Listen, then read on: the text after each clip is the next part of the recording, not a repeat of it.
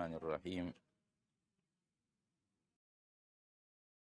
بسم الله الرحمن الرحيم. السلام عليكم ورحمة الله وبركاته.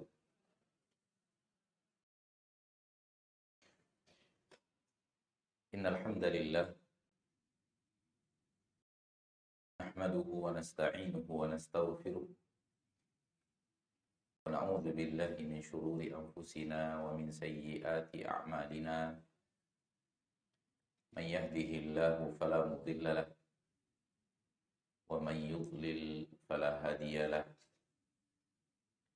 أشهد أن لا إله إلا الله وحده لا شريك له وأشهد أن محمدا عبده ورسوله صلى الله عليه وعلى آله وأصحابه ومن تبعهم بإحسان إلى يوم الدين.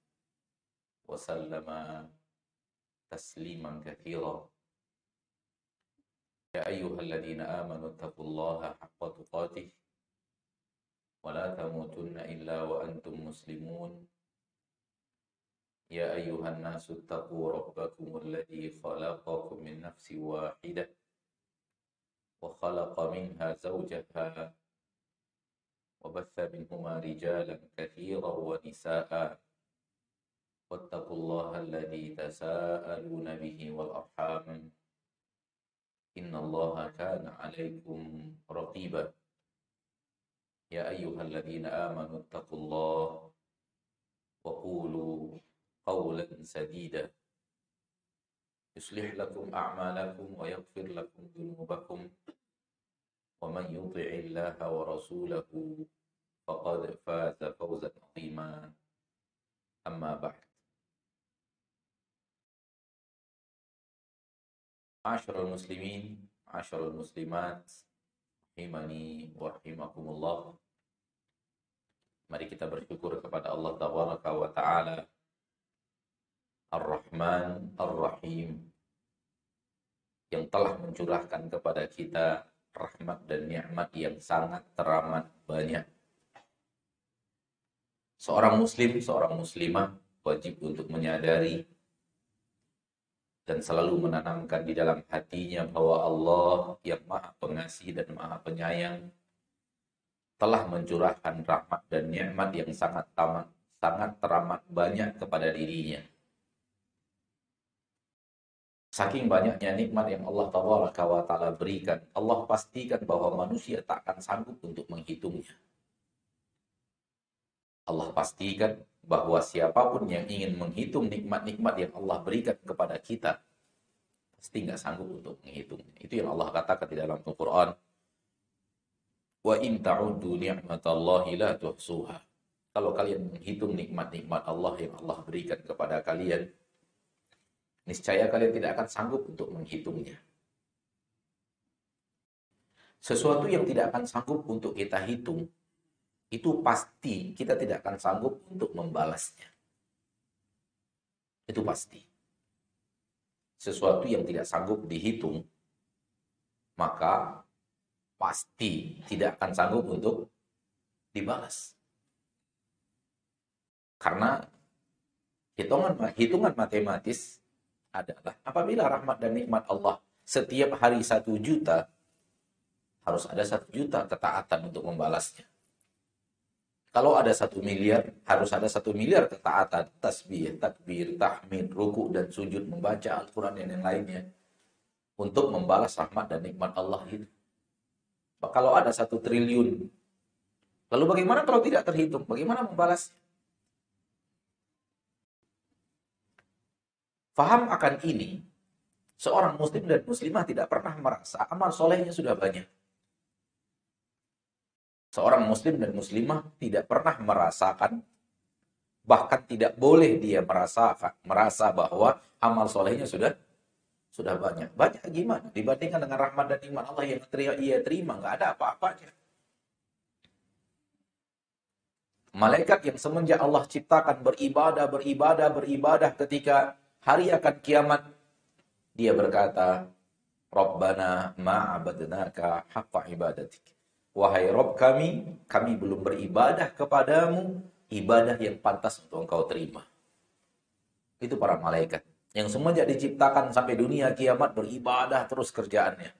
Beribadah tanpa lelah, tanpa letih, tanpa futur, tanpa bosan. Itulah sifat malaikat. Memuja dan memuji Allah. Bertakbir, bertasbih, bertahmid, ruku dan sujud. Ada di antara mereka malaikat yang diciptakan semenjak diciptakan sampai sekarang sampai dunia kiamat sujud. Karena pendapat yang sahih bahwa para malaikat tidak makan dan tidak minum. Para malaikat tidak makan dan tidak tidak minum. Begitu Allah ciptakan mereka. Sehingga beribadah terus kepada Allah sampai akhirnya dunia ini akan dihancurkan Allah Taala yang bangkit dari sujud mengatakan, Wahai Rob kami, kami belum beribadah kepadamu, ibadah yang pantas untuk engkau dapatkan. Lalu bagaimana dengan kita? hitungan sujud malaikat yang malaikat katakan belum pantas ibadah ini belum pantas untuk mengagungkan Allah. Lalu bagaimana dengan kita?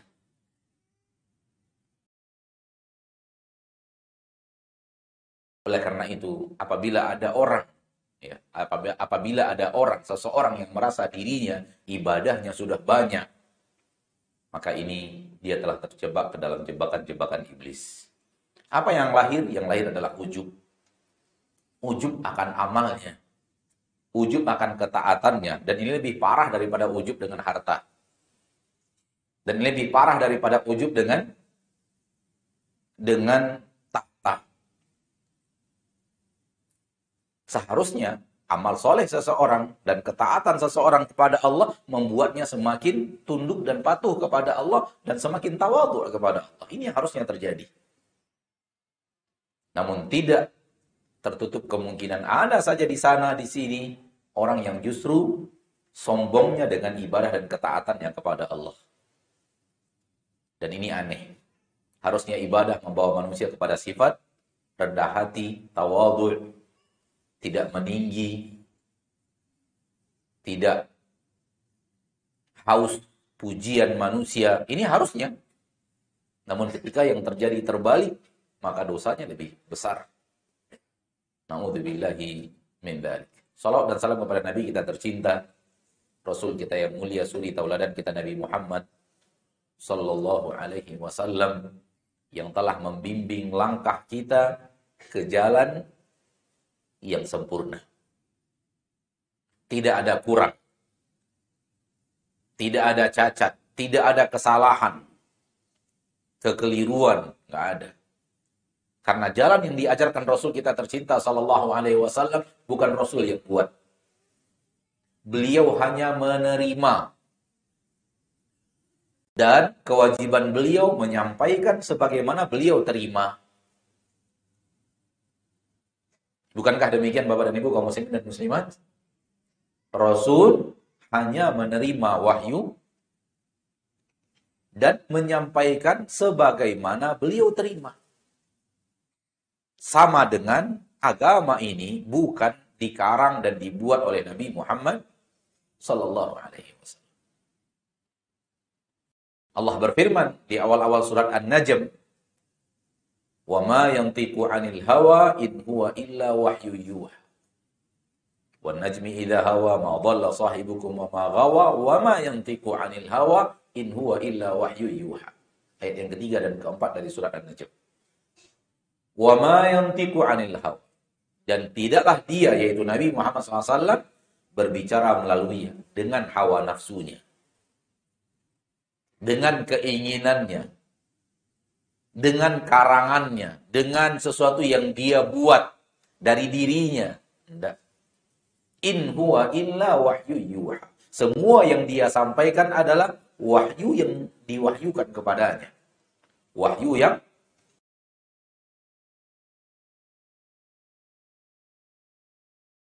tidak ada cacat, tidak ada kekeliruan, karena datangnya bukan dari Rasul, datangnya dari Allah. Yang buatnya Allah. Karena Allah maha sempurna, maka aturan yang datang kepada kita dari Allah juga maha, juga sempurna. Karena Allah tidak memiliki cacat, maka aturan yang datang dari Allah juga tidak memiliki cacat.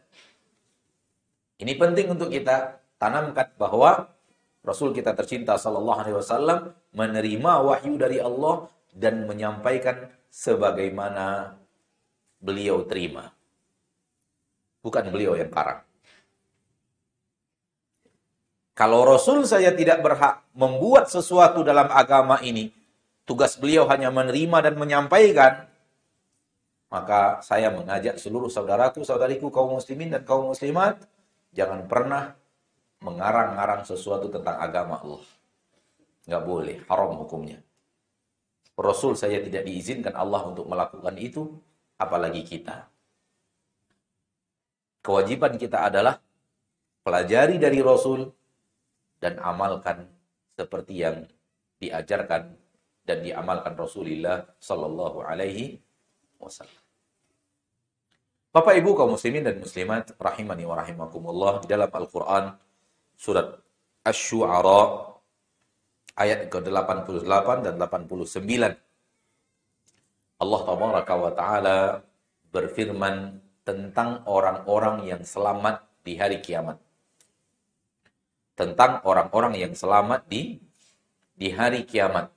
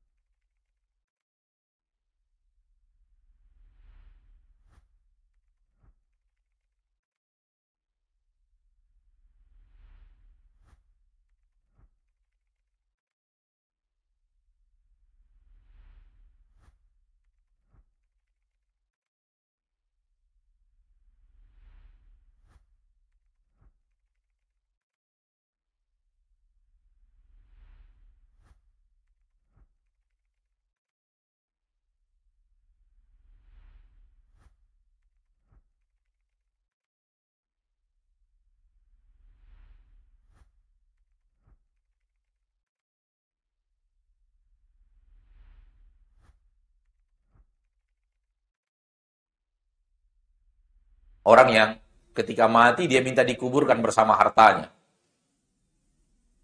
Tapi apa guna untuk dia harta itu di dalam liang lahat itu? Harta tidak ada guna karena memang tidak akan dibawa mati. Harta yang kita hasilkan akan kita tinggalkan di dunia apabila kita wafat untuk orang-orang setelah kita. Untuk ahli waris. Bahkan kadang-kadang bukan untuk ahli waris bahkan. Kenapa? Terlalu disembunyikan sehingga ahli waris kita nggak tahu di mana letaknya. Disimpan di bank luar negeri, keluarga nggak ada yang tahu, disembunyikan. Ketika mati, keluarga pun nggak tahu ada harta gitu ternyata numpuk di sana. Ada nggak orang-orang yang seperti itu? Ada.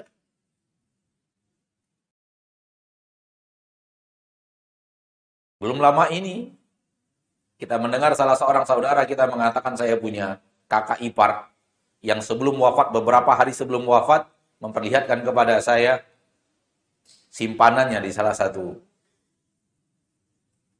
instansi instansi penyimpanan uang itu puluhan miliar. Namun setelah dia wafat saya tanya anaknya nggak ada yang tahu di mana beliau letakkan, di mana Dokumen-dokumennya beliau sembunyikan. Dan yang tahu. Habislah uang itu. Itu kalau dana atau harta yang di dunia itu kan tidak bermanfaat di akhirat. Adapun harta di akhirat tidak juga manfaat. Kalau ataupun ada harta di akhirat, nggak manfaat. Nggak ada manfaatnya. Di dalam Al-Quran Allah mengatakan, seandainya orang kafir itu memiliki emas sepenuh bumi. Seandainya mereka memiliki emas sepenuh bumi. Itu pasti, harta korun pasti kalah itu. Emas sepenuh bumi, harta korun pasti kalah.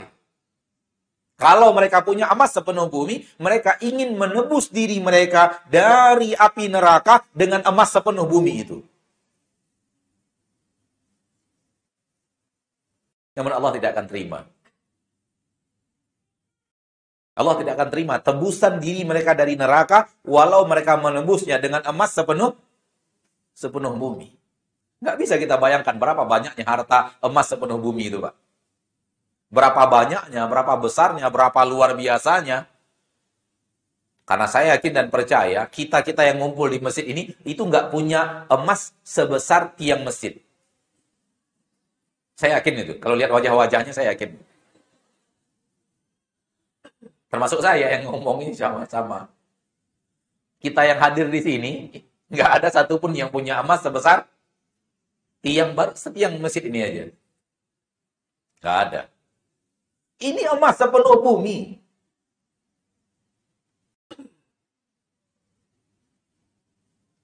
Innal ladina kafaru wa matu wa kufar fala yuqbala min ahdihim mil'ul ardi dhahaba walau iftada Orang yang wafat dalam keadaan kafir, maka Allah tidak akan terima diri mereka kalau mereka ingin menebus diri mereka dari neraka walau dengan sepenuh bumi dalam bentuk emas. Lihat harta nggak ada gunanya di akhirat. Saya ingin mengatakan begini. Mereka ingin menebus diri mereka dengan emas, Allah tidak akan terima. Namun lihat sisi lainnya. Sisi lainnya adalah sekiranya mereka punya emas sepenuh bumi, mereka akan rela hilang dari emas itu. Mereka rela melepaskan emas itu. Di sini teguran keras bagi kita untuk berbuat maksiat kepada Allah dengan harta. Di akhirat emas sepenuh bumi nggak ada artinya. Jelas-jelas ma'asyarul muslimin, ma'asyarul muslimat, realita kehidupan yang nyata, manusia banyak berbuat, berbuat maksiat, melanggar aturan Allah tabaraka wa ta'ala demi demi harta. Padahal di akhirat, coba lihat posisi harta. Emas sepenuh bumi nggak ada artinya. Tak akan memberikan manfaat apa pun. Di sini ada peringatan keras dari Allah Tabaraka Ta'ala. Hai manusia, jangan campakkan dirimu ke neraka karena harta.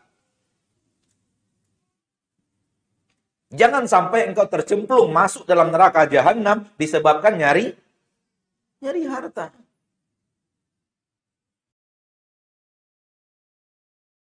Ini teguran keras dari Allah Ta'ala. Dan orang yang tidak kembali kepada Al-Quran dan membaca ayat Allah, membaca teguran-teguran nasihat Allah di dalam Al-Quran, bagi mereka nomor wahid.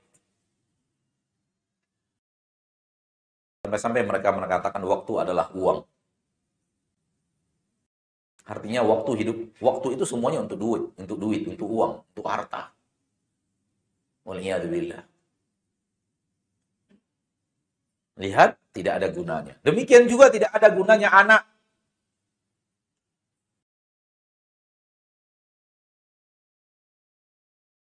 Kita akan bertemu dengan anak dan keturunan kita di akhirat. Tapi nggak ada gunanya. Kenapa? Masing-masing mempertanggungjawabkan diri masing-masing. Pertanggungjawaban akhirat, nafsi-nafsi. Individu-individu. Bukankah di dalam Al-Quran Allah tabaraka wa ta'ala dalam dalam Al-Quran dan hadis Allah tabaraka wa ta'ala mewajibkan kepada kita untuk mendidik anak dan akan ditanya oleh Allah tentang bagaimana kita mendidik anak. Betul. Lalu kenapa Allah mengatakan tidak bermanfaat anak, tidak ada guna anak dan semacamnya? Saya ingin mengatakan bahwa Ketika seorang orang tua telah melakukan tugasnya di permukaan bumi dengan baik, mengajar, mengajarkan anaknya, mengarahkan anaknya kepada kebaikan, menasihati mereka apabila mereka salah. Kalau toh pun anak tetap berbuat maksiat, orang tua tidak tidak akan ditimpa dosa lagi. Kenapa? Kewajibannya di dunia untuk mendidik anaknya telah dia lakukan. Baru kemudian bertanggung jawab di hadapan Allah dan akan mendapatkan dosa di hadapan Allah karena anaknya apabila kewajibannya sebagai orang tua di dunia tidak dia kerjakan.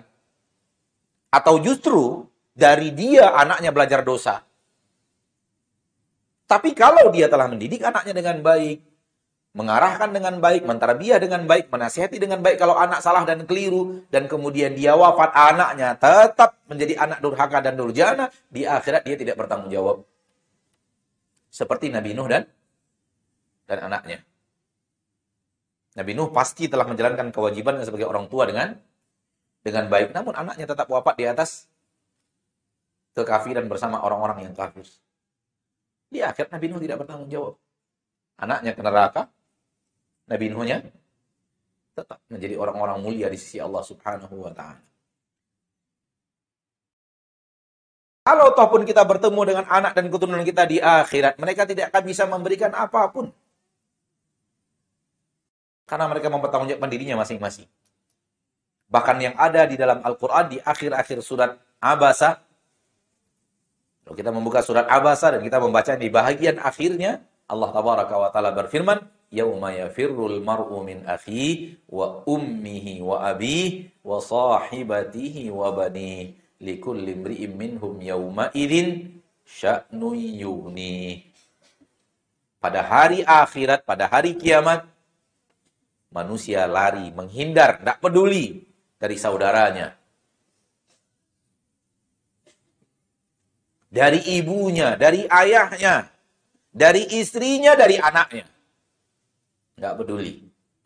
Kenapa? Likul limri'im minhum yauma idzin sya'nu yughni. Pada hari itu, masing-masing manusia pada hari itu memiliki urusan yang menyibukkan diri mereka masing-masing.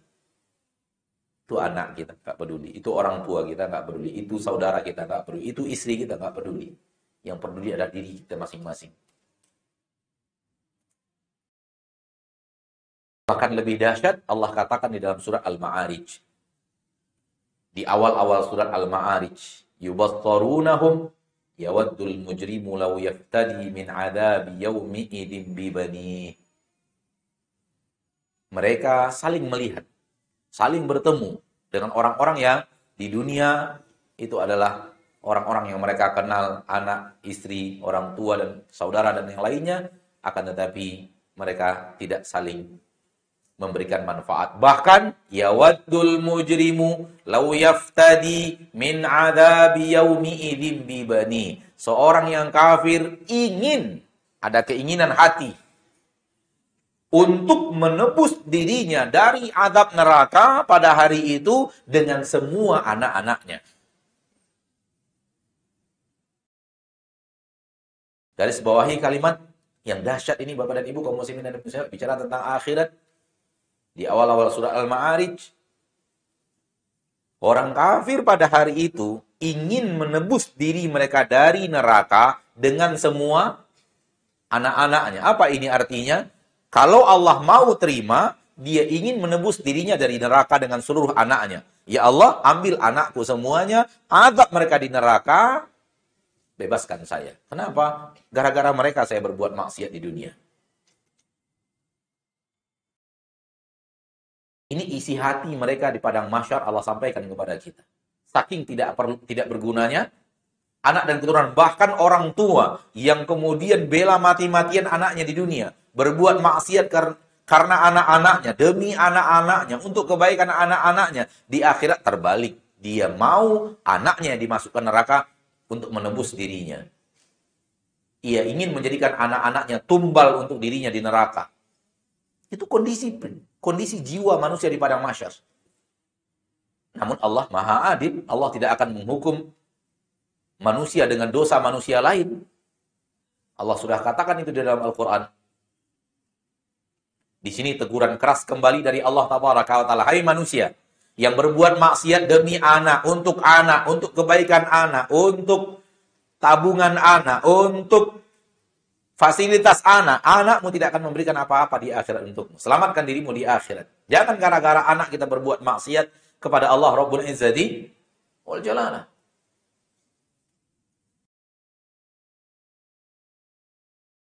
Ketika harta tidak bermanfaat, keturunan tidak bermanfaat, jangan berbuat maksiat kepada Allah demi harta dan keturunan. Selamatkan diri. Dengan cara apa? Dengan cara selamatkan hati.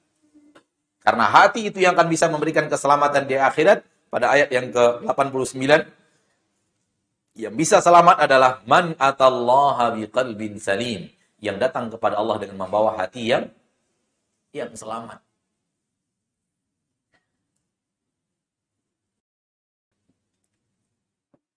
Sebagian bertanya, kenapa Allah menyebut hati saja? Kenapa tidak disebut yang lainnya? Bukankah di dunia ini kita tidak hanya memiliki hati saja? Kita juga memiliki anggota tubuh-anggota tubuh lainnya. Namun kenapa Allah mengkhususkan hati? Pasti ada kenapa dan mengapa. Hanya hati yang disebut. Seolah-olah yang datang dengan Allah dengan hati yang selamat, walau anggota lainnya tidak selamat, selamat di akhirat. Seolah-olah begitu. Yang penting hati selamat. Walau anggota tubuh yang lain tidak tidak selamat. Seolah-olah begitu pemahamannya bagi sebahagian apabila melihat dengan penglihatan sekilas seolah-olah itu artinya. Namun tidak demikian. Karena Allah Maha tahu dan Allah menyampaikan itu kepada kita di dalam Al-Qur'an. Maaf, Allah menyampaikan Rasulullah menyampaikan itu kepada kita di dalam hadisnya bahwa kalau hati itu selamat, maka anggota tubuh yang lain ikutan selamat. Kalau hati itu tidak selamat, rusak, maka anggota tubuh yang lain akan ikutan rusak. Karena apa? Karena hati adalah rajanya seluruh anggota tubuh. Maka ketika rajanya baik dan selamat, maka anggota tubuh yang lain akan ikutan baik dan selamat. Dalam hadis yang sahih dari Imam Bukhari dan Muslim, Rasulullah SAW mengatakan fil jasadi mudghah. Sesungguhnya di dalam jasadmu ada sebuah daging, sebuah gumpalan. Idza saluhat apabila dia baik, saluha saluha sairu jasadih. Baik seluruh anggota tubuhnya. Wa idza fasadat, namun apabila dia rusak, fasada sairu amalih, sairu jasadih. Akan rusak juga seluruh anggota tubuhnya. Ala wahyal qalb. Gumpalan itu adalah hati. Jadi ketika hati selamat, itu artinya yang anggota tubuh yang lain akan selamat. Ketika hati baik, maka anggota tubuh yang lainnya akan berbuat yang baik. Maka ketika dia selamat, yang lain ikutan selamat karena yang lain anggotanya. Yang lain adalah tentaranya, dia rajanya. Di dalam hadis ini jelas Nabi mengatakan baik dan tidak baiknya anggota tubuh bergantung kepada baik dan tidak baiknya hati. Maka kalau hatinya sudah baik dan selamat, dia akan membawa anggota tubuh yang lain untuk baik dan selamat. Namun kalau anggota hatinya rusak, kalau hatinya rusak, maka dia akan membawa anggota tubuh semuanya untuk berbuat yang yang rusak. Ini dari Nabi kita tercinta Muhammad Sallallahu Alaihi Wasallam. Jadi hati untuk seluruh anggota tubuh yang lain bagaikan raja. Perintah untuk melakukan atau perintah untuk meninggalkan itu datangnya dari hati loh Pak. Anggota tubuh melaksanakan. Anggota tubuh melaksanakan.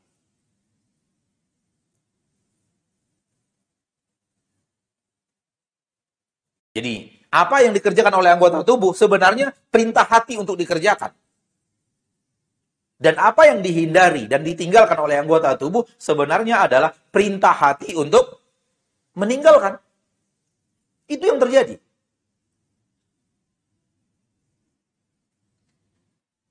Kita pernah sadar atau tidak? Sebenarnya ingin makan itu hati. Bukan mulut. Yang ingin melihat itu hati, bukan mata. Yang ingin mendengar itu hati, bukan telinga. Coba cerna baik-baik apa yang saya, saya sampaikan tadi. Yang ingin melihat itu hati, bukan mata. Yang ingin mendengar itu hati, bukan telinga. Yang ingin makan bahkan hati. Bukan bukan mulut. Lalu apa fungsi mata? Alat hati untuk mendengar. Untuk melihat, maaf. Alat yang digunakan hati untuk melihat. Hati ingin lihat A, B, C, D. Hati yang ingin melihat kan? Lalu apa yang digunakan hati untuk melihat? Tentaranya yang bernama mata. Maka dia perintahkan, wahai mata, lihat. Ketika hati tidak mau melihat, dia akan perintahkan mata tundukkan. Betul atau tidak? Jadi yang melihat, yang ingin melihat sebenarnya itu bukan mata, mata alat. Kalau kita bisa memaknai ini dengan baik, yang ingin berbicara itu bukan mulut, bukan lidah yang ingin berbicara, yang ingin berbicara hati. Lidah hanya juru bicara hati. Lidah hanya juru bicara hati, Bapak dan Ibu kaum muslimin dan muslimat rahimani wa rahimakumullah. Yang ingin disampaikan, yang ingin kita sampaikan ke seseorang adalah sesuatu yang ada di hati kita yang ingin kita sampaikan kepada seseorang. Namun kita gunakan lisan untuk menyampaikan isi hati itu. Hati menggunakan lisan sebagai alat untuk menyampaikan apa yang ingin dia sampaikan.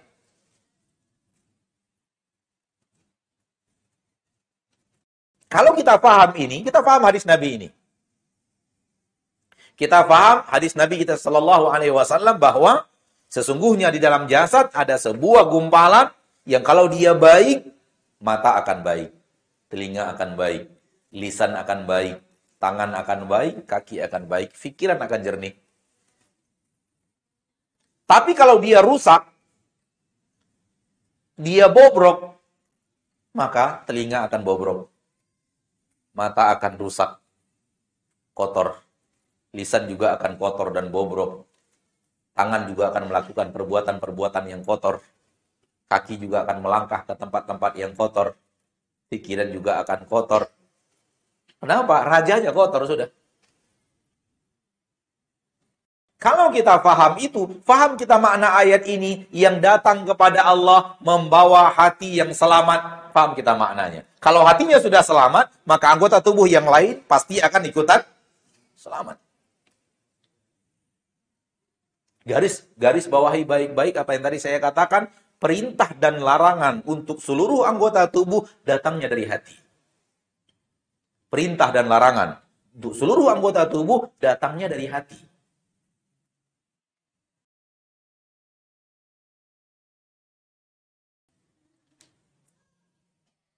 Kita hidup dengan hati itu.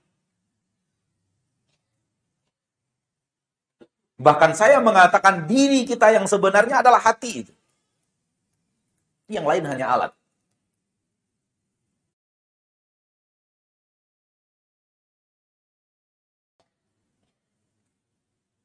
Yang lain hanya alat yang digunakan oleh hati kita.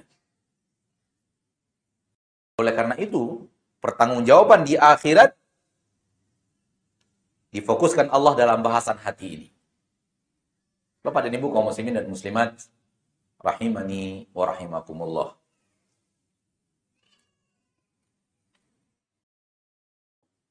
Di dalam Al-Quran surat Az-Zumar, Allah bicara tentang hati yang keras.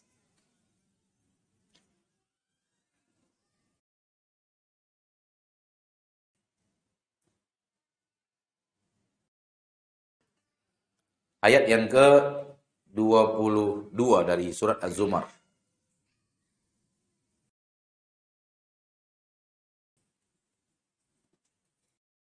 Afaman syarahallahu sadrahu lil Islam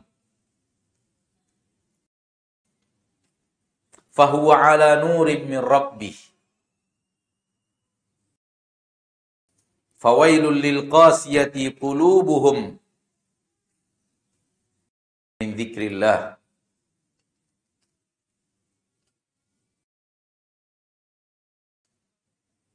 ulaika fi dhalalin mubin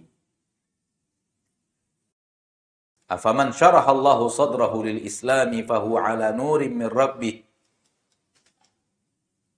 Fawailul lil qasiyati qulubuhum min dzikrillah ulaika fi dhalalim mubin. Yang artinya maka apakah orang-orang yang dadanya Allah lapangkan untuk Islam yang mana mereka berada di atas cahaya dari Rob mereka. Fawailul lil qasiyati qulubuhum min dzikrillah. Maka celaka bagi orang-orang yang hatinya keras dari zikir kepada Allah Subhanahu wa taala ulaika fi dhalalim mubin. Mereka berada di dalam kesesatan yang nyata.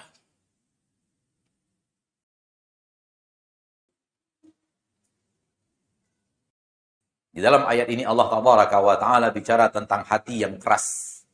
Dengan nas yang tegas, Allah taala berfirman fawailul lil qasiyati. Maka celaka untuk orang-orang yang keras hati mereka. Ini lawan daripada hati yang selamat yang ada di dalam surat apa tadi? Dalam surat ini lawan dari surat dari ayat hati yang selamat, yang hati yang selamat dalam surat apa tadi? Asy-Syu'ara. Ini lawannya. Hati yang selamat lawannya adalah hati yang keras.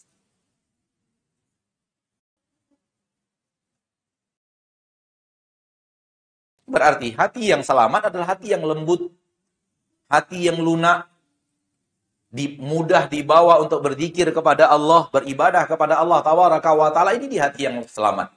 Ini di hati yang lembut. Mudah dibawa tunduk kepada Allah Rabbul Izzati wal Jalalah.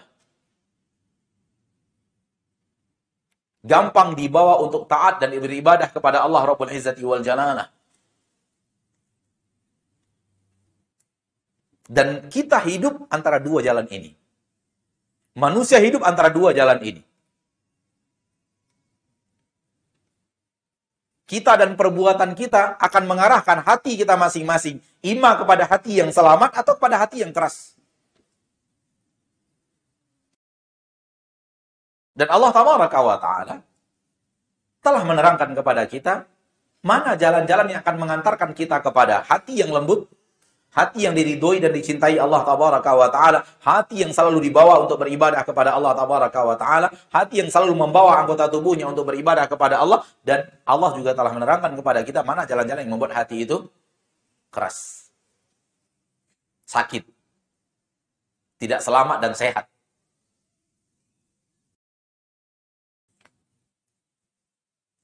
Kata kunci, hati menjadi keras karena maksiat.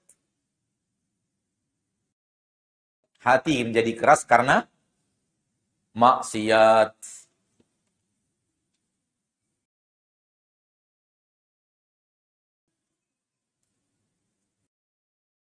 Hati hilang lembutnya. Hati hilang gampang untuk dibawa beribadah kepada Allah tabaraka wa taala Rabbul Izzati wal Jalalah, semua itu pengaruh maksiat.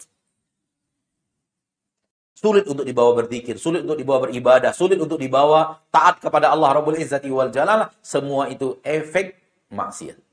Dia mulai keras. Rasulullah SAW berbicara di dalam hadis yang sahih riwayat Imam Muslim tentang masalah ini. Rasulullah SAW berbicara menyampaikan kepada kita bersabda tentang masalah ini dalam hadis sahih tentang riwayat Imam Muslim tentang hati yang mengeras dengan maksiat.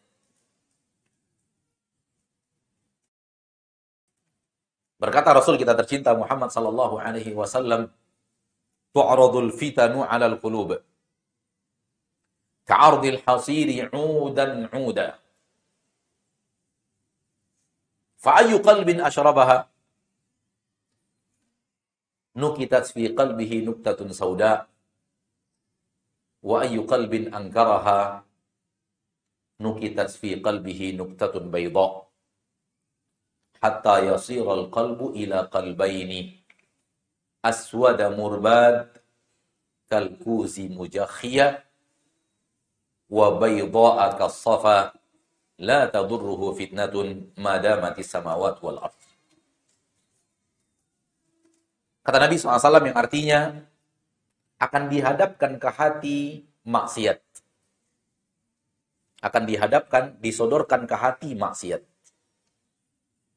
Satu demi satu. Satu, dua, yang ketiga, yang keempat, satu persatu. Yang kelima, yang keenam. Dan ini dia fitnah dalam kehidupan kita di permukaan bumi untuk memilih, ambil atau tinggalkan. Nikmati atau jauhi. Terima atau tolak. Di sini di sini ujian kehidupan. Salah satu di antara ujian kehidupan itu adalah maksiat dihadapkan di hadapan kita. Ada kesempatan untuk menikmati maksiat. Ada celah untuk bisa melakukan maksiat. Di situ hati disuruh kita disuruh oleh Allah tabaraka wa taala memilih terima atau tolak. Nikmati atau hindari. Tu'radul fitanu 'alal qulub ka'ardil hasiri 'udan 'uda sebagaimana jalinan tikar satu demi satu tikar dijalin satu demi satu akhirnya menjadi sebuah tikar yang panjang namun satu batang demi satu batang 'udan 'uda sama dengan karpet kita ini sebenarnya selembar demi selembar kan Akhirnya berbentuk yang seperti ini. Namun kalau diurai dia, dia adalah lembaran demi lembaran. Satu demi satu. Tambah satu, tambah satu, tambah satu, tambah satu. Akhirnya menjadi seperti yang sekarang. Seperti itu. Dalam hidup kita akan ada ditawarkan maksiat. Di hadapan kita ada maksiat, ada maksiat, ada maksiat. Fa'ayu qalbin asyrabaha. Hati mana pun yang menerima maksiat itu. Di hadapannya ada maksiat lalu dia nikmati. Dia terima maksiat itu. Dia ambil kesempatan untuk menikmati maksiat itu.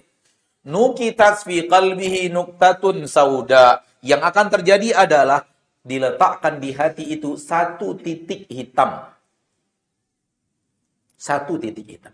Satu maksiat dilakukan, satu titik hitam di hati. Satu titik hitam di hati. 100 maksiat yang sudah dilakukan, 100 titik hitam. 1000 maksiat berarti 1000 titik hitam. Di dalam riwayat lain, bukan riwayat Imam Muslim, kalau tidak khilaf riwayat, riwayat, riwayat Imam Abu Daud, Rasulullah SAW mengatakan, Fa'in zada zidat. apabila dia tambah jumlah maksiatnya, akan ditambah jumlah titik hitam itu. Fa inna za'a wastaghfara suqila qalbuh. Namun kalau dia bertaubat dan dia minta ampun kepada Allah dan dia tinggalkan maksiat itu, dibersihkan lagi hati itu sebersih-bersihnya. Dibersihkan lagi sebersih-bersihnya. Fa in zada zidat Apabila dia tambah jumlah maksiatnya, bertambah jumlah jumlah titik-titik hitam yang ada di hatinya hatta ta'luwa qalbuh sampai titik hitam itu membungkus seluruh hatinya. Membungkus seluruh hatinya. Hati yang sudah terbalut oleh seluruh titik hitam. Titik hitam itu datangnya dari mana? Maksiat demi maksiat. Satu maksiat, dua, tiga, empat, lima, enam. Terus titik Serius minta ampun kepada Allah, bertaubat minta ampun kepada dibersihkan. Tetapi melakukan terus, melakukan terus, melakukan terus akan ada titik, titik, titik, titik sampai akhirnya terbungkuslah hati seluruhnya dengan titik hitam maksiat itu. Tentu ini hati dalam pembicaraan syariat. Bukan hati dalam pembicaraan dokter. Jauh ya. Hati dalam pembicaraan dokter di sini. Hati dalam pembicaraan agama dalam bab ini. Hal yang berbeda. Dan karena manusia ini terbagi dari dua sisi. Ada sisi jasmani yang terlihat, ada sisi yang tidak terlihat. Nah.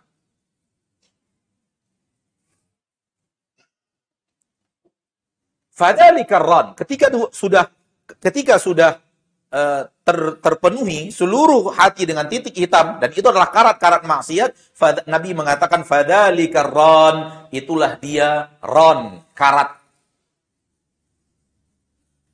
Lalu Nabi membacakan firman Allah di dalam Al-Qur'an surah Al-Mutaffifin, "Kalla bal rana ala qulubihim ma kanu yaksibun." Al-Qur'an surah Al-Mutaffifin ayat yang ke-14. Sekali-kali tidak, bahkan yang ada adalah hati mereka telah berkarat. Mana karat itu? Itu dia tadi kata Nabi. Titik-titik hitam yang kemudian diletakkan Allah di dalam hati. Diletakkan Allah di dalam hati, akhirnya terbalutlah seluruh hati dengan titik-titik hitam efek daripada perbuatan maksiat. Mata mendatangkan maksiat, telinga melakukan maksiat, lisan melakukan maksiat, tangan menerima atau memberi maksiat, kaki melangkah ke tempat maksiat, kulit melakukan maksiat.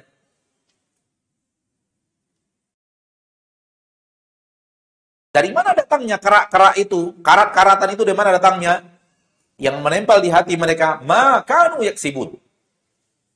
Karat itu datangnya disebabkan apa yang mereka kerjakan. Allah tidak pernah menzalimi hamba-hambanya. Karat itu bukan Allah datangkan begitu saja, namun karat itu akibat dari apa yang mereka kerjakan, akibat dari perbuatan. Perbuatan yang mana? Yang ada di hadis tadi, ada ada maksiat dihadapkan diterima oleh dia. Ada maksiat dihadapkan diterima oleh dia. Ada maksiat dihadapannya diterima oleh dia sampai akhirnya maksiat demi maksiat ini terlalu banyak, akhirnya menyelimuti seluruh hati.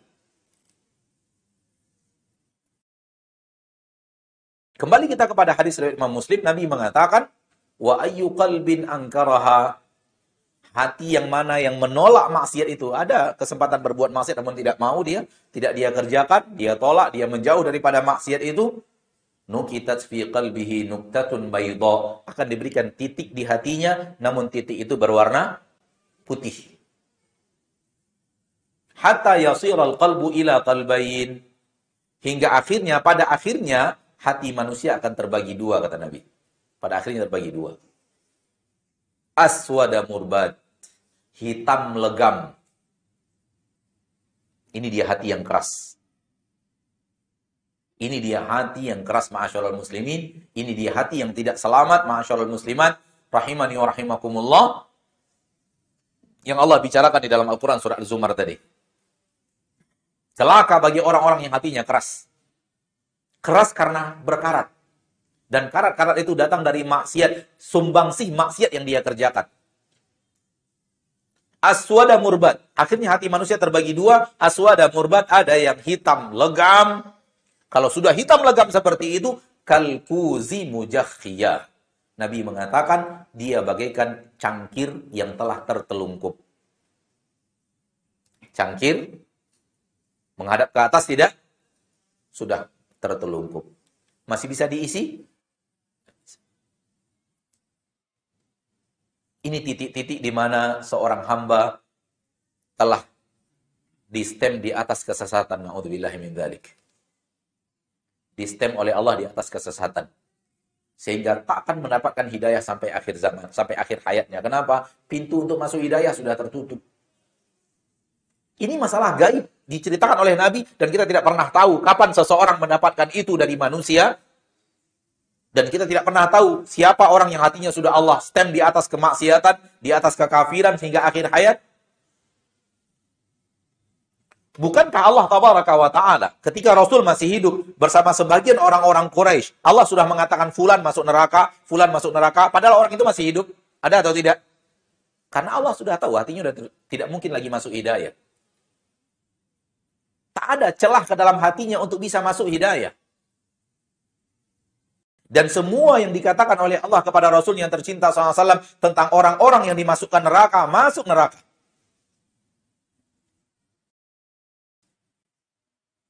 Jadi hal yang paling rumit dalam hidup seorang insan adalah, hal yang paling parah dalam hidup seorang insan adalah hari di mana Allah menutup hatinya. Hari di mana Allah menguji hatinya di atas maksiat. Di atas kekafiran, waliyahdubillah. Atau di atas kemaksiatan. Sehingga tidak akan bertobat sampai akhir hayat. Kenapa? Tertutup seluruh jalan hidayah menuju hati itu karena dipenuhi oleh oleh karatan-karatan maksiat. Maka jangan anggap remeh perbuatan maksiat karena dia penutup pintu hidayah. Karena dia pembungkus hati.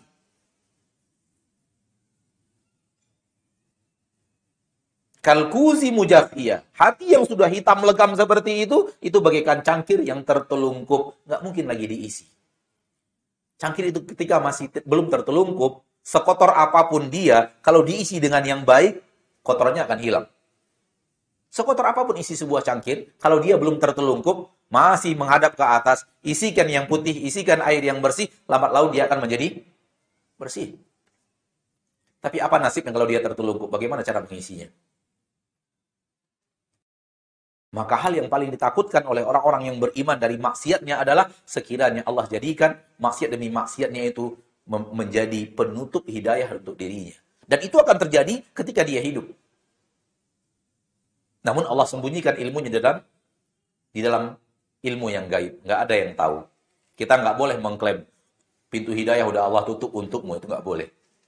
Haram hukumnya. Dan itu dosa besar yang dibenci oleh Allah subhanahu wa ta'ala.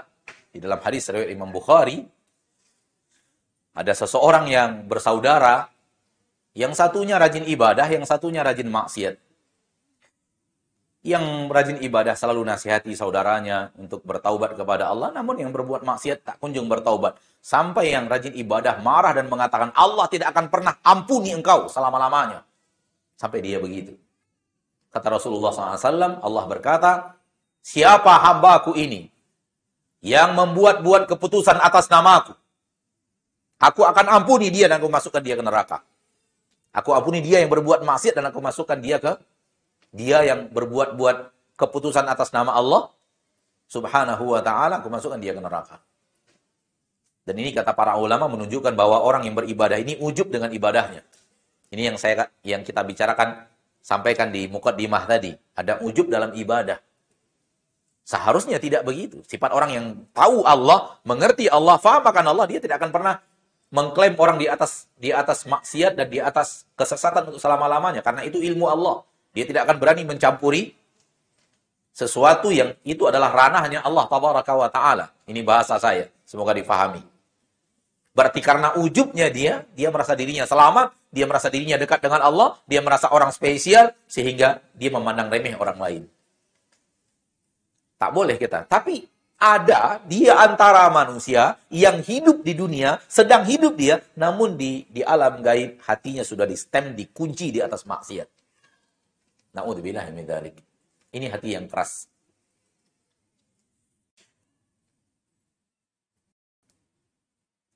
Wa baydha'aka safa dan hati yang kedua hati yang bening, putih. Bagaikan sofa. Sofa adalah batu yang putih bersih. La tadurruhu fitnatun madamatis samawati wal arth. Ketika hati sudah bersih, maka fitnah atau maksiat mana pun tak akan memberikan mudarat kepadanya selagi langit dan bumi masih terbentang. Bapak Ibu yang dimuliakan Allah Taala wa taala, Rabbul Izzati wal Jalal. Maka hati yang keras penyebabnya adalah maksiat. Allah tidak akan memberikan manusia sesuatu kecuali sesuai dengan amalnya. Obatnya adalah berarti dari maksiat. Obat hati yang keras berhenti dari maksiat. Tak ada cara untuk membuat hati itu melembut kembali selagi maksiat masih terus dikerjakan, masih terus dikerjakan, masih terus dikerjakan. Karena mesin mesin pembuat hati keras itu maksiat. Selagi mesinnya tidak dihentikan dengan cara taubatan nasuha,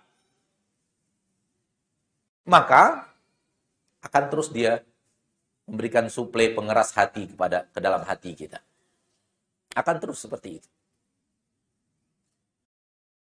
Maka kata inti untuk membuat hati itu jauh daripada keras adalah berhenti daripada maksiat. Baru setelah itu ibadah. Yang kedua, dekatkan dia kepada Allah. Kalau kita kalau kita membaca nasihat-nasihat para ulama tentang hati supaya terhindar daripada hati yang keras, rajin baca Al-Quran, rajin duduk di pengajian majelis taklim, rajin mengenal Allah dengan duduk di majelis-majelis atau membaca buku tentang makrifat tentang Allah, siapa Allah itu, bagaimana Allah yang maha kuasa, rajin menjenguk orang sakit, rajin pergi ke kuburan, menguburkan orang-orang yang dikuburkan, atau pergi ziarah kubur walau tidak untuk menguburkan seseorang. Semua itu ibadah untuk melembutkan hati pasca berhenti dari maksiat. Jangan difahami ini dilakukan, kemudian mesin pengeras hatinya didatangkan juga, gitu Ya ini pembersih, ini kemudian mengotori lagi, ini membersihkan, ini mengotori lagi. Jangan. Selagi mesinnya masih tetap kita lakukan, maka hati itu akan terus mendatang datang di dalamnya karat-karat yang akan membuat dia keras. Maka kata kunci, kata kunci pertama adalah hentikan dulu maksiat itu. Agar dia tidak menyumbangkan untuk hati kita hal-hal yang membuat hati itu berkarat dan keras. Baru setelah itu ibadah, rajin baca Quran, rajin duduk ke masjid, beribadah, rajin ruku dan sujud pasti sholat. Sholat akan menghalangi manusia dari pekerjaan keji dan mungkar. Rajin ingat akhirat. Diskusi tentang akhirat, mendengar kajian tentang akhirat. Atau melihat orang-orang yang sakit, keras. Karena sebentar lagi dia akan bertemu dengan akhirat kemungkinan. Atau sudah wafat, kita datangi rumahnya, kita antarkan dia ke pemakaman itu mengingatkan kita ke, ke akhirat akan melembutkan hati. Rajin peduli kepada orang-orang yang miskin, anak yatim, orang-orang yang lemah di antara manusia yang kehidupannya sulit dan susah dibanding kehidupan kita. Ini juga melembutkan hati, berinfak dan bersodakah kepada orang-orang yang lemah dan miskin. Tapi semua ini adalah pelembut manakala mesin pengerasnya dihentikan. Bapak dan Ibu kaum muslimin dan muslimat. Di zaman kita sekarang ini dengan ya, dengan mudahnya media informatika, maka mudah juga masuk ke maksiat. Mudah juga kita terjerumus ke dalam yang namanya maksiat. Maka dengan media informatika yang Allah mudahkan, benteng kita untuk membentengi diri kita dari maksiat harus kita lebih kuatkan. Kalau kita kembali ke zaman dahulu kala, di mana alat komunikasi ini tidak Allah mudahkan, alat informasi ini tidak Allah mudahkan, maka manusia manusia hanya mengerti pola hidup yang orang-orang yang ada di sekitarnya saja. Dan apabila sekitarnya itu bukanlah uh, kaum yang banyak berbuat maksiat, dia akan hidup Sangat sederhana sekali. Lihat zaman kakek kita bicara tentang sawah dan ladang, bicara tentang hewan ternak, bicara tentang hasil panen, bicara tentang apa yang mereka bicarakan. Namun kita sekarang tidak. Kita sekarang di sini bicara sesuatu yang yang terjadi di di Eropa, sesuatu yang terjadi di Amerika, sesuatu yang terjadi subhanallah. Begitu mudahnya dunia informatika sampai ke kita sampai di tangan kita. Sehingga disibukkan manusia dengan hal-hal yang kemungkinan besar maksiat datang karena datang dari negeri orang-orang yang tidak beriman kepada Allah dan Rasulnya. Maka hati-hati agar jangan maksiat itu diterima oleh hatinya. Supaya apa? Supaya dia membuat hati itu putih dan bersih dan melembut untuk dibawa zikir kepada Allah. Kalau hati itu dibawa uh, sulit untuk dibawa beribadah kepada Allah, itu indikasi dia mulai mengeras. Hati itu sulit dibawa beribadah kepada Allah, indikasi dia mulai apa? Mulai mengeras. Begitu yang difahami dan disampaikan kepada kita oleh para ulama. Maka mari kita pertama, kalau ingin menjaga hati kita agar selamat daripada hati yang keras, berhenti dari maksiat. Itu kata final. Karena maksiat itu adalah mesin yang menciptakan karatan maksiat di dalam hati. Baru setelah itu dibawa kepada ibadah dan ketaatan. dibawa pada berzikir, mentadaburi Al-Quran, mempelajari Al-Quran, di majelis taklim, bicara tentang ilmu, ingat kepada akhirat, ya berhubungan dengan orang yang sakit, orang yang wafat, supaya melembutkan hati untuk mengarah kepada Allah Taala. Karena siapa pun kita, sehebat apa pun kita, sepanjang apa pun usia kita di permukaan bumi, pasti akan bertemu titik di mana dia tinggalkan dunia ini, dia akan menghadap kepada Allah Subhanahu wa taala. Bayangkan kalau hari itu tiba di saat hati masih keras. Apa yang akan terjadi? Semoga Allah taala membimbing kita ke jalan yang Dia ridhoi dan Dia cintai Semoga Allah taala kuatkan hati kita untuk berhadapan dengan aneka ragam maksiat di zaman kita sekarang. Dan ingat, maksiat yang terjadi di zaman kita sekarang bisa saja dilakukan sekali namun efeknya berulang-ulang. Dilakukan sekali namun efeknya ber berulang-ulang. Apa contohnya? Ya, contohnya orang yang rekaman maksiat. Dia membuat sebuah rekaman, rekaman itu rekaman maksiat. Perbuatannya cuma sekali, rekaman satu kali. Tapi maksiatnya itu diulang-ulang terus.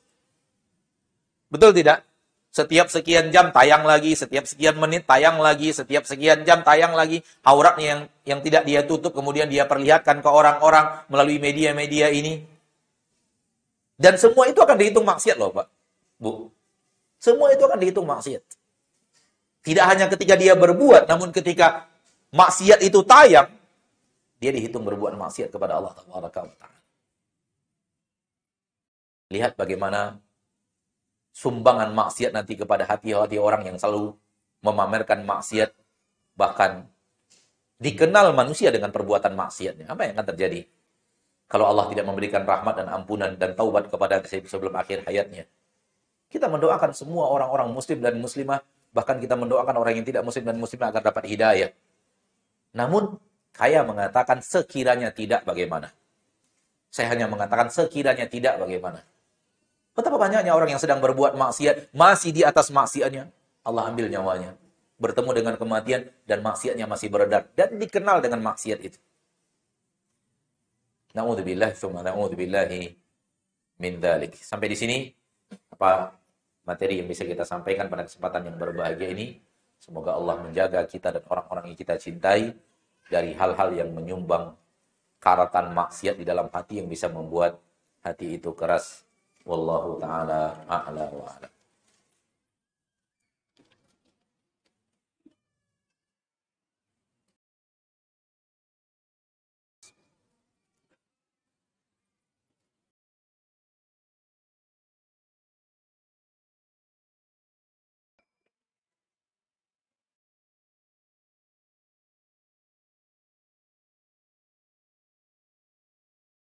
Pertanyaan pertama, bagaimana cara bertaubat yang benar? Apakah ada tanda atau petunjuk dari Allah Subhanahu wa taala kalau taubat kita diterima atau tidak? Taubat yang benar adalah taubat yang memiliki tiga kategori. Singkatnya, tiga kategori itu adalah yang pertama, tinggalkan. Yang kedua, sesali. Yang ketiga, tekad tak mengulangi. Yang pertama, tinggalkan. Yaitu tinggalkan maksiat yang kita ingin taubat darinya. Maka tidak ada namanya taubat kalau maksiat itu masih di, dikerjakan. Sebagian orang didatangi oleh iblis atau bala tentaranya, merasa dirinya bisa bersih dari dosa, dengan minta ampun, minta ampun, minta ampun, minta maaf, minta maaf kepada Allah Taala. Namun maksiat itu masih dia kerjakan. Itu tidak taubat namanya. Taubat itu sampai meninggalkan. Tak ada yang namanya taubat ketika perbuatan itu masih di, dikerjakan. Dua, sesali, yaitu sesali maksiat masa lalu yang telah kita kerjakan itu ada penyesalan di dalam hati telah melakukan maksiat itu dan yang ketiga tekad untuk tidak mengulangi.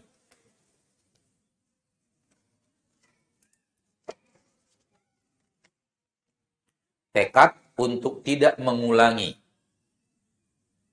Bukanlah syarat taubat tak lagi terjerumus ke dalam dosa yang sama untuk selama-lamanya. Tidak. Itu bukan syarat taubat. Beda antara punya tekad untuk tidak mengulangi dengan apabila syaratnya begini. Tak boleh terjerumus ke dalam dosa yang sama untuk selama-lamanya. Bisa dipahami, Pak? Tekad dengan syarat tak boleh terjerumus ke dalam dosa yang sama untuk selama-lamanya. Syaratnya hanya tekad, bukan tak terjerumus ke dalam dosa itu lagi untuk selama-lamanya. Ketika sudah ada tekad di dalam hati, tak akan melakukan lagi. Sudah ditinggalkan, sudah disesali. Ada tekad di dalam hati, saya tidak akan lagi melakukannya. Itu sudah syarat taubat. Walaupun kemudian lambat laun tekad ini bisa melemah lagi kan? Bisa melemah lagi. Namanya juga tekad. Tekad letaknya di hati. Dia bisa menguat, dia bisa melemah.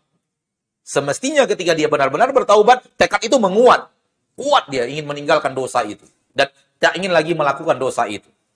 Namun perlahan tapi pasti tekad yang kuat itu lambat laun bisa melemah. Ketika dia melemah lagi, mungkin saja terjerumus lagi ke dalam dosa yang kita sudah bertaubat. Taubat lagi. Taubat lagi. Dengan syarat taubat yang, yang tadi. Dan taubat yang kedua tidak merusak taubat yang pertama. Taubat yang kedua tidak tidak me, membatalkan taubat yang pertama. Dia berlaku terus. Allah Maha Pengasih dan Maha Penyayang. Maka tekad di sini maksudnya adalah hati yang betul-betul punya tekad untuk tidak melakukan lagi. Bukan tidak lagi melakukan dosa itu untuk selama-lamanya. Karena manusia tidak tahu bagaimana perjalanan dia ke depan. Dan Rasulullah SAW pernah bersabda tentang seorang yang berbuat maksiat lalu dia bertaubat lagi kepada Allah Taala, terjerumus lagi, lalu dia bertaubat lagi, terjerumus lagi, dia bertaubat lagi sampai Allah Taala mengatakan Hambaku tahu dia punya Rob yang akan selalu mengampunkan dosanya. Aku akan ampuni hambaku itu dan aku tidak peduli kepada apa yang dia perbuat. Itu artinya apa? Tekad. Sudah bagus berjalan. Lambat laun lambat laun melemah. Eh terjerumus lagi. Tobat lagi dia. Tobat yang benar lagi. Tobat yang diterima oleh Allah taala. Kemudian perjalanan waktu. Tekad itu mulai hilang sarana dan prasarananya mulai hilang, penguatnya mulai hilang, teman-temannya mulai hilang, suasananya mulai hilang. Betapa banyak orang pulang haji taubat, setelah itu lama-lama balik lagi. Wallahu taala Apakah ada tahu kita taubat kita diterima atau tidak? Secara pasti nggak ada yang tahu. Secara pasti nggak ada yang tahu karena diterima atau tidak diterima taubat itu bagian daripada ilmu gaib. Informasi gaib dan informasi gaib tidak ada manusia satupun yang tahu. Ada di sisi Allah Subhanahu wa taala. Jadi tidak ada manusia pun satupun yang tahu dia diterima taubatnya atau tidak. Kenapa demikian? Karena itulah yang terbaik untuk kita. Karena itulah yang terbaik untuk kita. Kita tidak diberitahu taubat kita diterima atau tidak. Kenapa saya katakan itu yang terbaik untuk kita? Saya mengatakan begini. Orang-orang yang imannya kayak kita, kalau kita diberitahu taubat kita diterima dan dosa kita sudah dihapuskan, wah pintu iblis cepat datangnya, Pak. Pintu iblis cepat datangnya. Iblis akan menggoda, udah bersih kan? Pahala masih banyak tuh. Gak apa-apa lah, lakukan lagi sekali-sekali. Itulah iman kita. Sehingga untuk orang-orang yang sekelas kita, yang terbaik tidak diberitahu taubatnya diterima oleh Allah Subhanahu wa taala. Sehingga dia terus di atas taubat, terus di atas taubat, terus di atas taubat, terus di atas taubat. Ketika iman para sahabat sudah luar biasa, maka diberikan kepada mereka kabar gembira, mereka penduduk surga dan tidak akan ke neraka. Pertanyaannya, terganggukah ibadah mereka? Tidak. Terganggukah rasa takut mereka masuk neraka? Padahal sudah dapat kabar gembira dari Nabi masuk surga bukan penduduk neraka, ibadah mereka tetap rajin. Takut kepada kepada maksiat kepada Allah, takut kepada nerakanya, tetap seperti itu. Nggak berubah. Coba kalau kabar gembira itu datang ke kita, coba. Wah, saya yakin dan percaya majlis ini minggu depan kosong. Ngapain lagi kita datang majlis taklim? Ngapain kita kita sholat? Udah dijamin surga, udah dijamin terpenteng dari neraka. Mau apa lagi sudah? Itu dia sudah. Kita rajin ibadah untuk mengejar surga, tak mau berbuat maksiat karena takut neraka. Dan iman kita belum kuat dapat kabar gembira penduduk surga dan tak mungkin ke neraka, belum kuat iman kita untuk tetap bertahan di atas itu. Karena ada taubat, ada bertahan di atas taubat hingga akhir hayat. Ini penting. Dan kalau saya taubat saja, kita diberitahu oleh Allah, ada kemungkinan bertahannya, mempertahankannya itu sangat lemah. Oleh karena itu, yang terbaik adalah tidak diberitahu kepada kita yang imannya lemah seperti kita. Namun para ulama mengatakan manakala terjadi perubahan dari yang buruk kepada yang lebih baik, ini indikasi, indikator tobat diterima. Kepastian nggak ada. Tapi indikatornya adalah itu. Wallahu a'lam.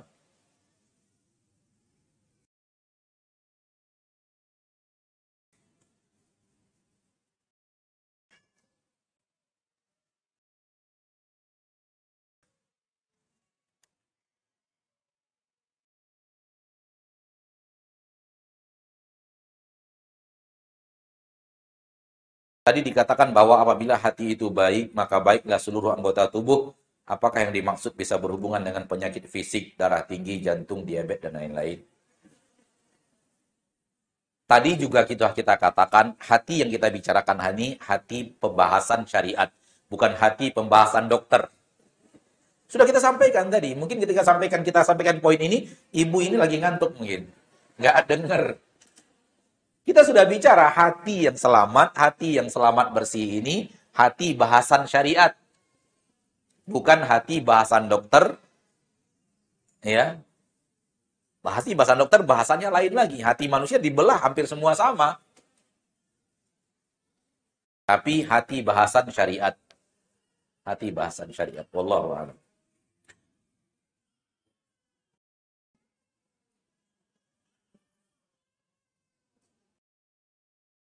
Saya memiliki teman beragama Nasrani dalam keadaan susah. Bolehkah saya memberikan makanan? Dan apa hukumnya memberikan makanan saat mereka merayakan hari raya mereka?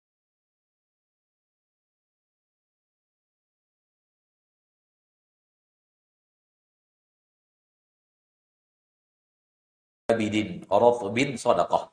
Begitu kata Nabi SAW selagi hati orang itu basah, hati suatu makhluk basah, makhluk hidup artinya, maka kita memberikan sesuatu kepadanya adalah sodako. Baik orang muslim, tidak muslim, hewan sekalian. Siapa yang menanam sebuah tanaman, kata Nabi, lalu makan darinya burung, maka itu adalah sodako. Mungkin kita nanam tanaman, nanam, nanam tanaman, apakah nama jenisnya, Lalu burung datang hinggap makan dari pohon yang kita tanam, buah yang kita tanam, atau kelelawar, atau, atau, atau, semua itu adalah sodako. Dihitung oleh Allah sodako untuk kita yang nanam tanaman itu. Itu hewan. Wallahu ta'ala.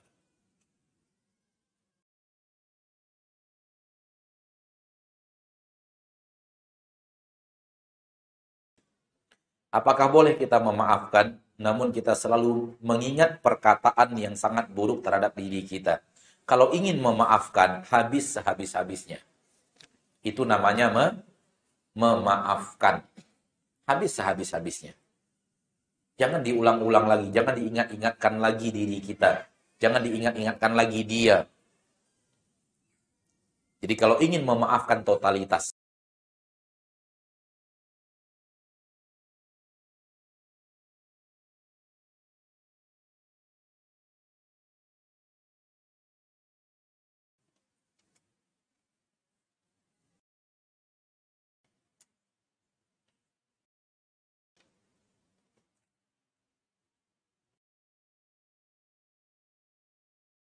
Katanya dosa akan dipertanggungjawabkan masing-masing. Namun saya pernah dengar ceramah Ustadz yang lain bahwa dosa orang tua bisa berdampak kepada anak.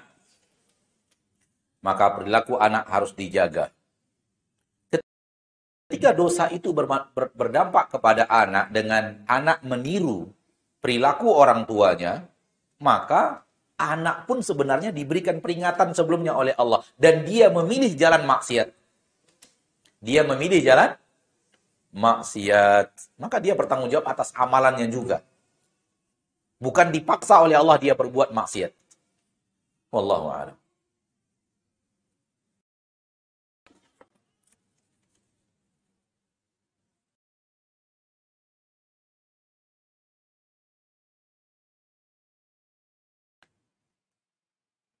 Bila kita melakukan dosa, maka titik hitam ada di hati. Semakin banyak dosa, semakin banyak titik hitam. Bagaimana caranya akan menghilangkan semuanya. Sudah kita bacakan tadi hadisnya.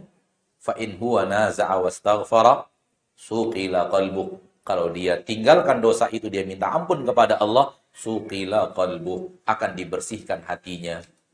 Akan dibersihkan hatinya. Itu dia cara untuk membersihkan hati dengan cara tinggalkan maksiat itu dan bertaubat minta ampun kepada Allah Subhanahu wa taala.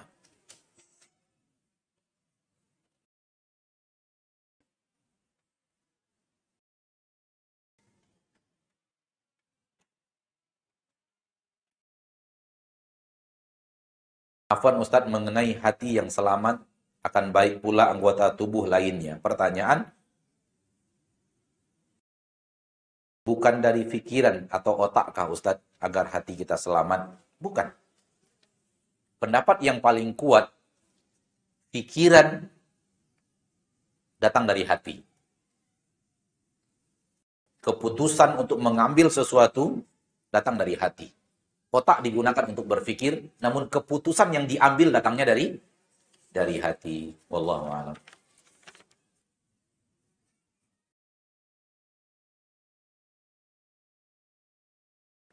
Bagaimana cara mengatasi anak yang sudah dewasa, punya hati yang keras, dan jika berbicara pada orang tuanya pun kadang dengan suara keras? Doakan dan bersabar. Doakan dan bersabar. Dan jangan sekali-kali kita klaim dia berhati keras. Jangan.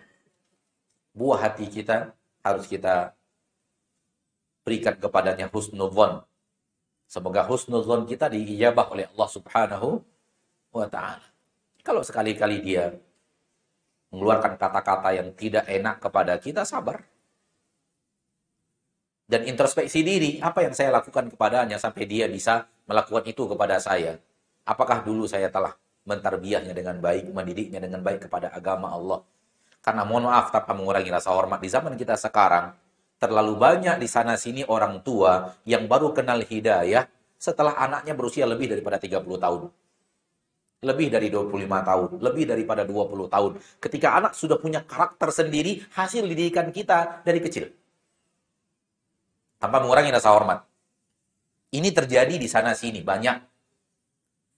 Si ayah, si ibu baru kenal agama di usia 60 tahun, di usia 50 tahun, 50 sekian tahun, anaknya sudah kadang dididik dengan cara yang sebelum dia mengenal agama Allah dan akhirnya terbentuk karakter yang seperti itu. Kalau memang itu yang terjadi berarti kesalahan kita dulu. Kalau kemudian Allah tabaraka wa taala memberikan kepada kita kepedihan akibat salah didik kita yang dulu, maka kita hendaknya introspeksi diri bahwa ini kesalahan saya masa dulu, sekarang Allah berikan kepada saya akibatnya. Maka bersabar. Dan jangan kita ketika sudah mengenal agama Allah dan mengerti ilmu syariat, mulai dekat kepada agama Allah, justru kita mendidik anak kita dengan cara yang keras. Tidak ada yang namanya dakwah dengan cara yang keras. Dakwah ini diperintahkan Allah dan diamalkan para nabi dan para rasul, didakwahkan dengan lemah lembut. Dan kalau kita mencoba didik anak kita, setelah kita mengenal agama Allah dengan cara yang keras, syaitan akan datang kepadanya. Ini bukti ayah dan ibumu sesat. Dulu mereka lembut, penyayang, pengasih. Namun sekarang coba lihat. Keras. Itu gara-gara ikut aliran keras itu. Tuh ustadznya lagi ngaji itu di masjid. Padahal nggak ada satupun orang ustadz yang mengajak kepada sunnah Nabi yang menyuruh kita untuk dakwah dengan keras, mendidik anak dengan keras. Nggak ada. Saya yakin dan percaya itu. Sebanyak ini kita dengar nasihat para ustadz, ada yang menyuruh untuk dakwah dengan keras. Mendidik anak dengan keras. Bahkan orang tua disuruh lemah lembut dan suruh bersabar. Namun kalau kita didik dengan keras kepada anak kita, syaitan akan datang. Baik datang kepada kita atau datang kepada dia.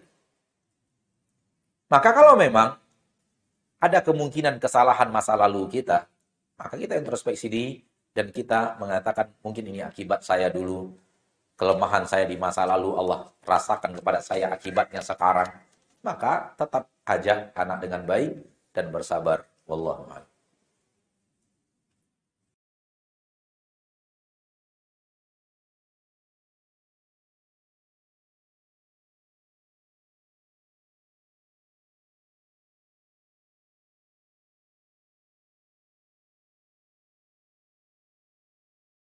Bagaimana cara mengingatkan suami yang selama ini biaya hidupnya ditanggung oleh istri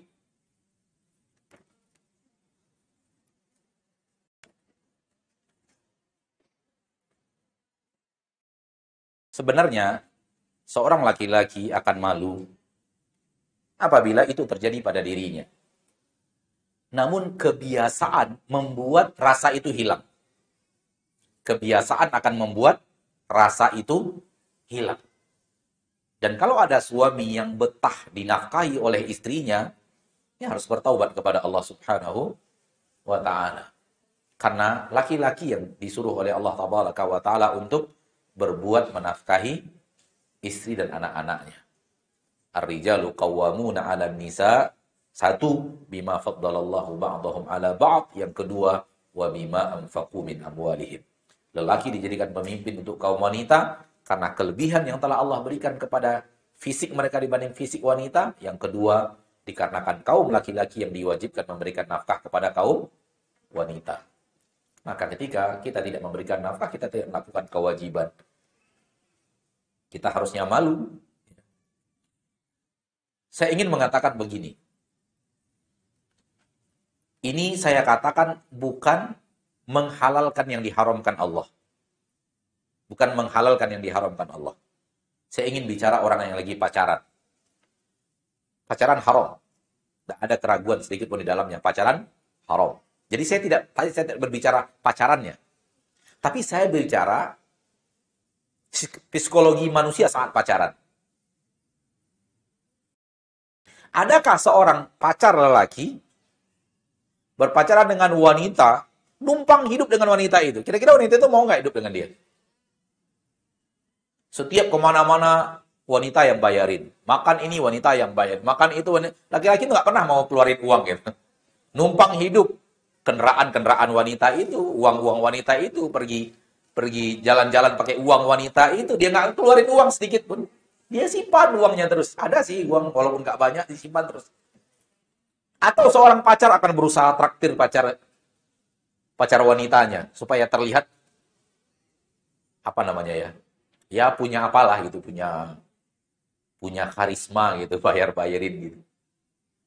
Subhanallah. Kadang ketika berpacaran kita punya sifat yang benar, ketika sudah berumah tangga datang sifat yang salah. Padahal pacaran haram.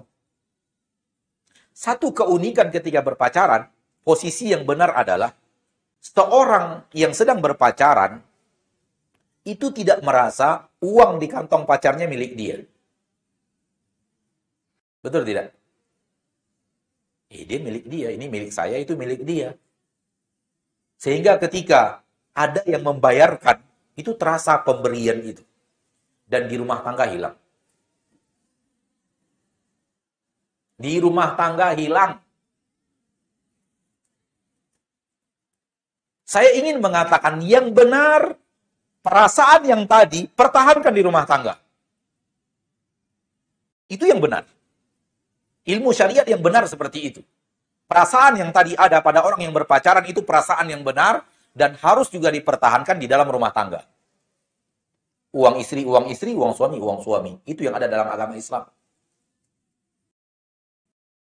Sehingga akhirnya apa? Akhirnya istri yang diberi nafkah oleh suaminya merasa merasa dinafkahi oleh suami. Tapi ketika sudah merasa memiliki itu hilang.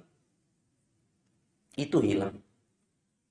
Sehingga betapa banyak wanita yang puluhan tahun, belasan tahun dinafkahi oleh suaminya tidak merasa suaminya telah berbuat baik kepada dirinya dengan nafkah itu. Betul, Bu? Ah, terjebak. terjebak.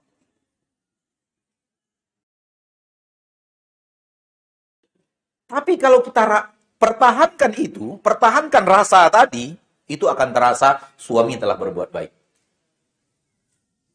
Terkhusus bagi seorang wanita yang memang murni ibu rumah tangga. Satu sisi. Sisi yang lain, apabila seorang wanita punya penghasilan, suaminya tidak akan numpang di penghasilan istrinya. Kenapa? Dia punya tanggung jawab khusus yang dia tahu itu uang istri saya, uang istri saya. uang saya untuk nafkah keluarga. Sehingga dia tidak akan melakukan hal itu. Namun ketika berjalan salah dan berlanjut terus berlanjut terus akhirnya ketagihan dan menjadi biasa.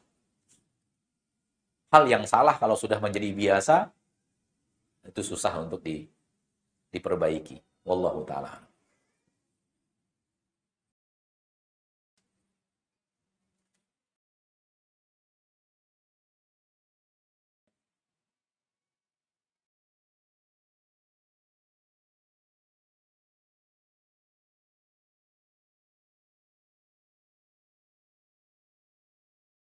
Bagaimana sikap kita melihat teman yang selalu iri terhadap nikmat terhadap orang lain?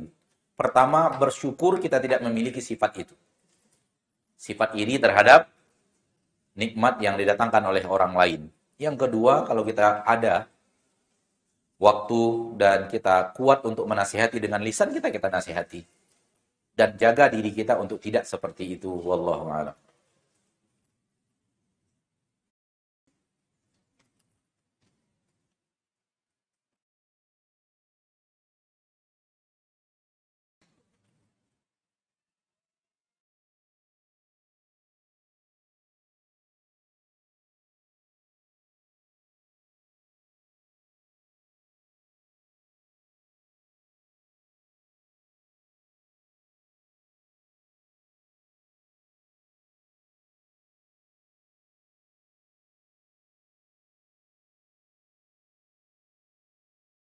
Ustaz, saya mau bertanya. Saya berdoa supaya dilembutkan hati dan sikap sebagai ibu yang mampu mendidik lima anak-anak wanita saya. Dan rasanya doa itu belum terkabulkan karena saya masih suka marah dan emosi. Saya berikan kesempatan ini, pada kesempatan ini saya coba memberikan sebuah resep. Semoga bisa diamalkan dan kalau diamalkan semoga bisa menjadi resep untuk tidak gampang marah dan emosi. Yaitu, kesalahan banyak orang tua dalam menasihati anaknya adalah kesalahan psikologis orang tua ketika menasihati anaknya adalah ketika dia nasihati anaknya itu di dalam hati kecilnya kamu harus patuh kamu harus ikut. Setelah saya nasihati ini, yang saya larang harus ditinggalkan. Tidak demikian. Tidak demikian. Dakwah itu bukanlah memaksa orang ikut perkataan kita. Bukanlah mewajibkan orang ikut nasihat kita. Bukan itu bukan dakwah. Itu bukan nasihat. Nasihat tidak sampai ke titik itu. Menasihati anak, mendidik anak adalah kita menyampaikan kebenaran kepadanya, kita menegurnya di saat dia salah, kita menunjukkan arah yang benar kepadanya, sampai di situ, tidak sampai kepada titik dia harus ikut. Camkan ini dua hal yang berbeda, berbeda sekali. Satu titik hanya sampai menyampaikan, berbicara yang benar, menasehati dengan lemah lembut, sampai di situ. Adapun yang kedua, yang tadi saya katakan psikologis yang salah, menyampaikan lebih daripada itu. Kamu harus ikut apa yang ibu sampaikan. Kamu harus patuh kepada apa yang ibu sampaikan. Ketika ibu larang, kamu harus berhenti. Beda psikologis ketika menyampaikan, beda hasil. Ketika seorang ibu, seorang ayah hanya sampai kepada poin menyampaikan, dia tidak akan gampang emosi melihat anaknya melakukan lagi kesalahan itu. Kenapa? Itu urusan anak dengan robnya. Urusan saya dengan rob saya sudah saya tunaikan. Saya sudah menasehati, saya sudah menyampaikan, saya sudah menegur, saya ulangi teguran itu lagi. Ketika dia bersalah, saya ulangi lagi, saya nasihati lagi. Tanpa bosan-bosan, saya harus menasehati terus. Nasihati terus, karena itu tanggung jawab seorang orang tua perihal anak ikut tidak ikut urusan dia dengan robnya. Tapi ketika di hati kita itu harus ikut, ketika anak melakukan lagi, kita merasa dilecehkan. Kita merasa tidak didengar, kita merasa di, di, diabaikan, kita merasa tidak dihormati. Akhirnya marah dan emosi. Apakah ibu dalam menasihati seseorang lebih pandai daripada Nabi Nuh? Jawabannya, tidak. Ternyata yang sangat mahir menasihati, yang sangat sabar menasihati, seperti Nabi Nuh saja, tetap saja Allah memberikan takdir kepada anaknya tidak ikut. Salahkan Nabi Nuh? Tidak. Sampai akhir pertemuan Nabi Nuh dengan anaknya tetap nasihat keluar. Ini menunjukkan bahwa Nabi Nuh benar-benar terus dan terus, terus dan terus. Nasihat lagi dan nasihat lagi, nasihat lagi dan nasihat lagi kepada anaknya. Namun anak tak ikut-ikut. Dan ini ini kalimat penting untuk kita tak gampang emosi. Karena emosi itu sering sebenarnya datang dari diri kita yang merasa kata-kata kita tidak tidak didengar. Kata-kata kita diabaikan, nasihat kita dicuekin gitu. Akhirnya emosi itu datang gara-gara egois lagi datangnya. Ketika egois itu hilang dari dakwah, masalah. Soal anak mengikuti tidak mengikuti itu bukan orientasi dakwah. Orientasi dakwah adalah menyampaikan kebenaran ketika apalagi di saat kebenaran itu harus diucapkan dan harus disampaikan dan tidak boleh mengatakan yang hak adalah batil, yang batil adalah hak, halal adalah haram, haram adalah halal, tidak boleh dengan cara yang benar, dengan cara yang baik. Hasilnya serahkan kepada Allah. Betapa seringnya Nabi Muhammad menasihati pamannya Abu Talib. Namun Allah berkehendak Abu Talib di atas agamanya. Wallahu ta'ala. Maka jangan pernah ketika menasihati anak, kita pakai psikologis harus dipatuhi harus diikuti, harus amalkan apa yang ibu nasihatkan kepada dirimu. Tidak, tidak sampai ke situ.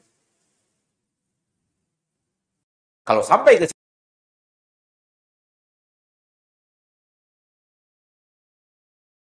Allah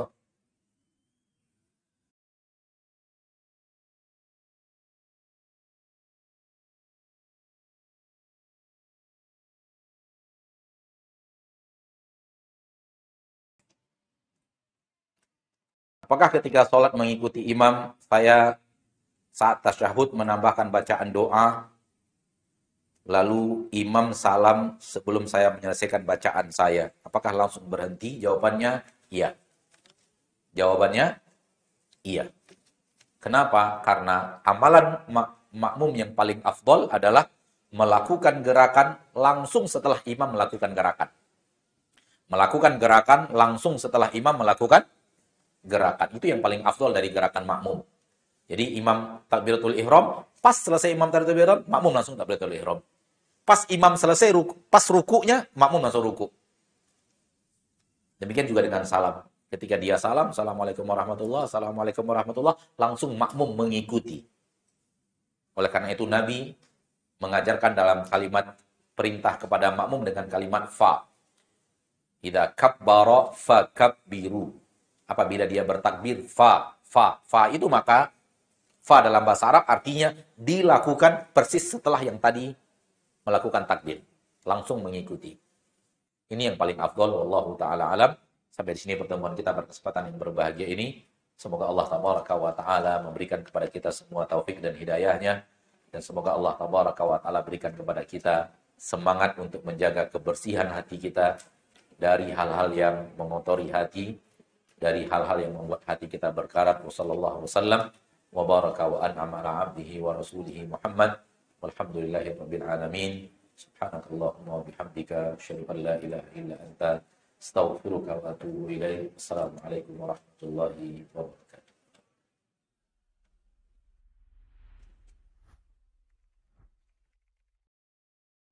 Bikinlah